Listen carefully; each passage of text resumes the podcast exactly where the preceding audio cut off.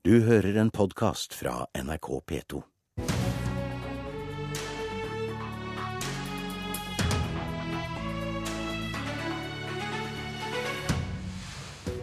Hvem skal styre hovedstaden? Rørleggeren eller advokaten? Makthungrige Ap eller erfarne Høyre? Det er ni måneder igjen til lokalvalget, og valgkampen blir unnfanga i Politisk kvarter med første Oslo-duell mellom Aps Raymond Johansen og Høyres Stian Berge Røsland. Og vi skal også snakke om kampen om de andre norske byene.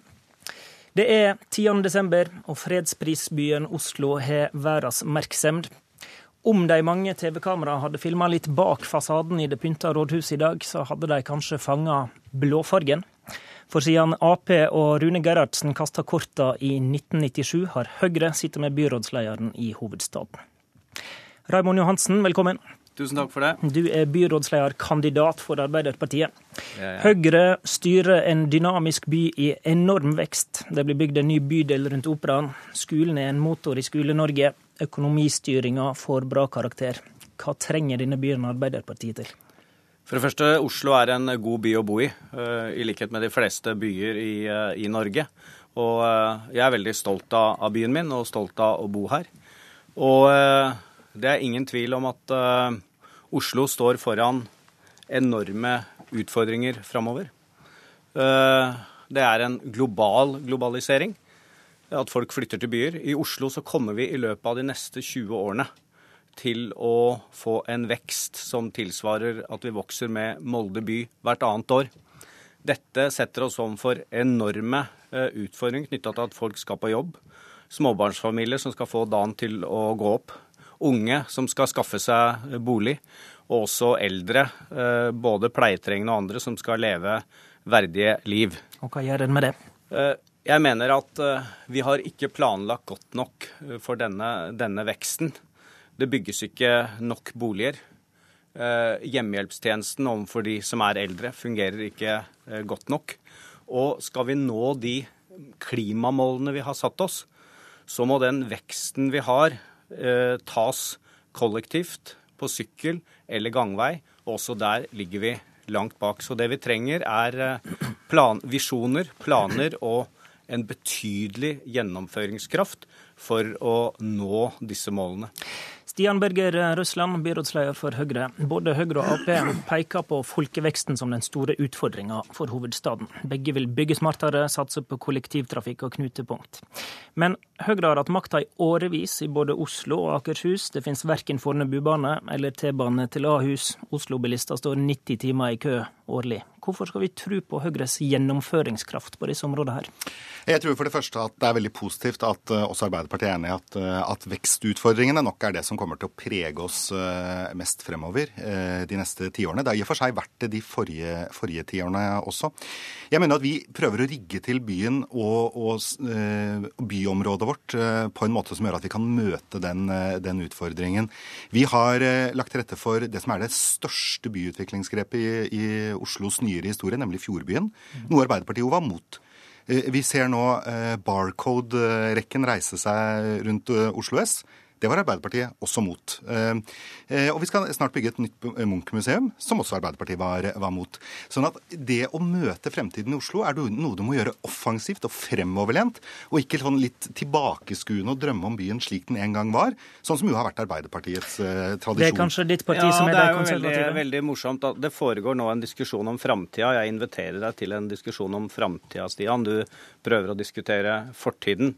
Uh, jeg sier at det er et betydelig problem med astma, allergiplager, partikler fra Smestad til Majorstua til Groruddalen. At den veksten vi nå skal ta eh, innenfor eh, transport for at folk skal kunne komme raskest til jobb, det er i ferd med å få store utfordringer. Fordi at eh, kollektivtrafikken, gang, sykkelvei, ikke er som den er. Men kanskje det mest alvorlige mener jeg er at man ikke har tilrettelagt godt nok for vekst når det gjelder boligbygging. Eh, I dag så trenger man kraftfull politisk styring for å nå disse utfordringene. I plan- og regu antall reguleringssaker i Oslo, så er det 99% av de i Oslo som de private står for. Gjennomsnittet ellers i Norge er 54% Man trenger en veldig aktiv kommune for å tilrettelegge for det nødvendige innenfor barnehager, innenfor boligbygging, innenfor infrastruktur, og ikke overlate det til markedet alene. Røsland, er det for mye marked og for lite politikk med Høyre? Nei, jeg mener at vi har en ganske god balanse på det i, i Oslo. Jeg tror nettopp det å sørge for at vi har dette gode og nære samarbeidet med private aktører, er viktig i byutviklingspolitikken. Men det blir bygd for lite. Det ja, men spørsmål, spørsmålet er om det blir bygd så veldig mye mer hvis kommunen selv lager, lager planer. Vi jobber jo nå med, med reguleringsplaner som sendes inn eh, fra, fra mange private aktører. og Problemet er jo ikke at vi mangler reguleringsplaner. Problemet er at det blir bygget for lite. Vet du hvor mange, du hvor mange ubygde boliger det er i Oslo som er regulert? Det er ca. 20 000 stykker. Sånn at planarbeidet er jo ikke det som er problemet her. Det er jo hva det er som skal til for å få til mer bygging og flere boliger. Men det vi kommer til å, å få til fremover, er jo eh, det vi ser på de, som de liksom store sånn områdetransformasjonene. Der har Fjordbyen vært viktig, og det kommer til å være viktig. Eh, hva som kommer til å skje på Filipstad, Sydhavna og nedover, kommer til å ha betydning. Det som ser på Hasle og nye Hovindbyen, kommer til å, å ha betydning. Vi kommer til å se fortetting i, eh, i rundt de store kollektivknutepunktene, rundt stasjonene på, på T-banen. Så det kommer til å skje veldig mye spennende, spennende, her, Herman. Ja, men det, det, det er uh, flott hvis det skjer. men jeg tror nok jeg ville vært litt mer ydmyk, litt mer bekymret, når jeg ser at man overhodet ikke klarer å holde tritt med befolkningsutviklingen i forhold til antall boliger som bygges. At man heller ikke nå uh, har nok uh, barnehageplasser er en utfordring. Innenfor hjemmetjenesten er en stor utfordring. Uh, vi kommer til fra 2023 så kommer antall eldre mellom 80 og 90 år å øke kraftfullt. Og du har jo selv uttalt dette manglende framgang når det gjelder å bygge sykkelveier.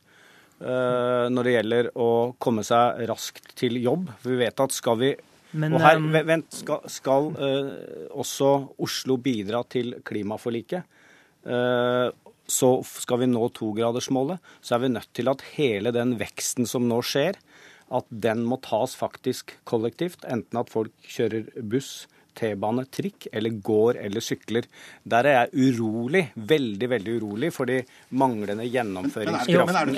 Vent litt, Johansen for, å, um, Johansen, for å gjennomføre alle disse ut, utfordringene som du peker på her nå, så går uh, Ap til valg på å innføre eiendomsskatt i Oslo. Hvorfor er det nødvendig? Jeg var inne på det, særlig knytta til eldre. Vi får mange eldre mellom fra 2023 så vil det vokse veldig. Eh, byrådet selv sier at det er kritikkverdige forhold innenfor eh, sykehjemssektoren, innenfor hjemmehjelpssektoren. Vi ønsker at mange eldre fortsatt skal kunne bo hjemme. Derfor ønsker vi å innføre en moderat eiendomsskatt. Eh, satse midlene på å styrke muligheten for at eldre kan bo hjemme lenger. Både ved å styrke hjemmehjelpstjenesten, men også det ved å invitere inn næringslivet. Ved å ha gigantiske investeringer på ny teknologi. Gjøre om omsorgsboliger, sånn at folk faktisk kan bo hjemme lenger. Og Dette tar lang tid å planlegge for.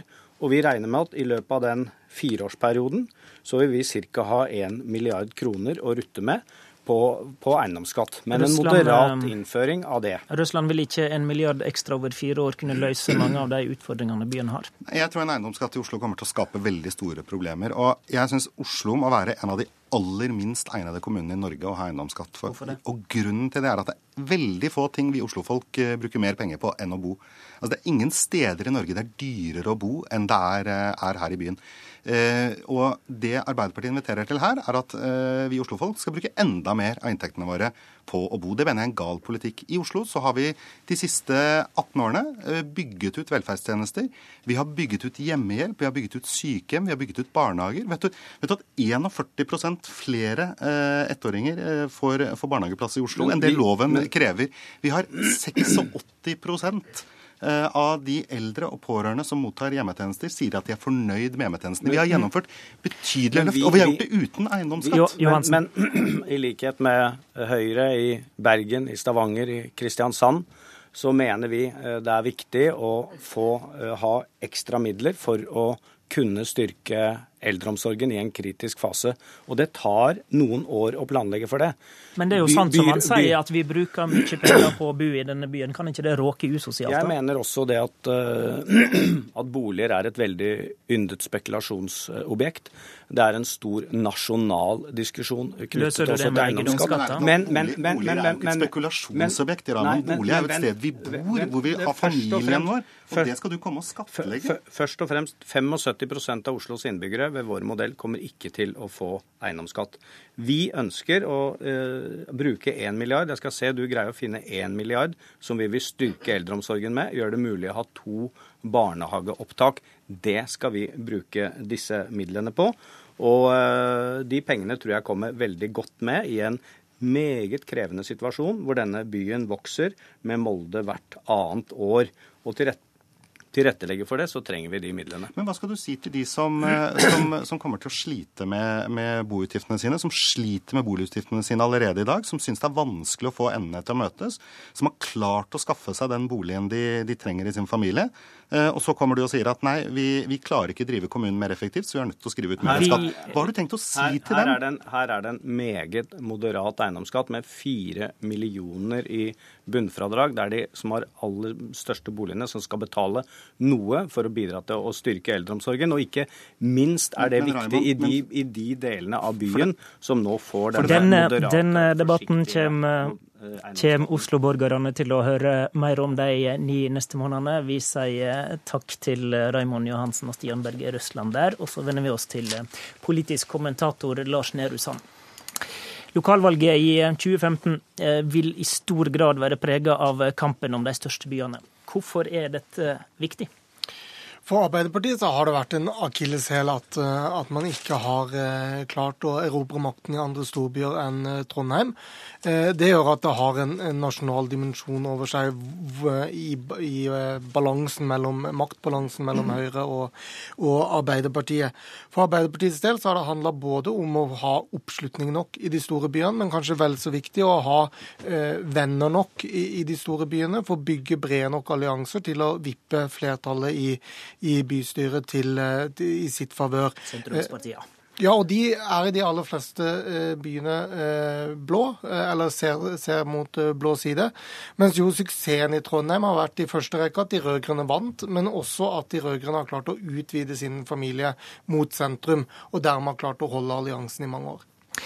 Du har um, skrevet en del om behovet for en storbypolitikk, og at bypolitikken i Norge er i ferd med å bli ei overbygning for politikken. På hva måte da? Men det må bli en overbygning fordi at det handler så mye om den eh, samfunnsplanleggingsdimensjonen vi hører, at det vi må gjøre i årene som kommer, det neste generasjons politikere må få til, handler om en, en eh, sektoroverbyggende eh, himmel for, for eh, hvordan man skal bygge byer i Norge. Og det har vi ikke nødvendigvis vært flinke til i, i årene som har gått. Hva sektorer er viktigst eh, da? Både klimapolitikken er, er veldig mange av svarene på de eh, vanskelige spørsmålene ligger i byene. Det handler om hvordan vi forflytter oss, og da kommer jo samferdselspolitikken inn. Men derfor så handler det også om hvor vi bor og hvor vi jobber, og hvordan vi kommer oss eh, mellom de to stedene som vi tross alt transporterer oss oftest.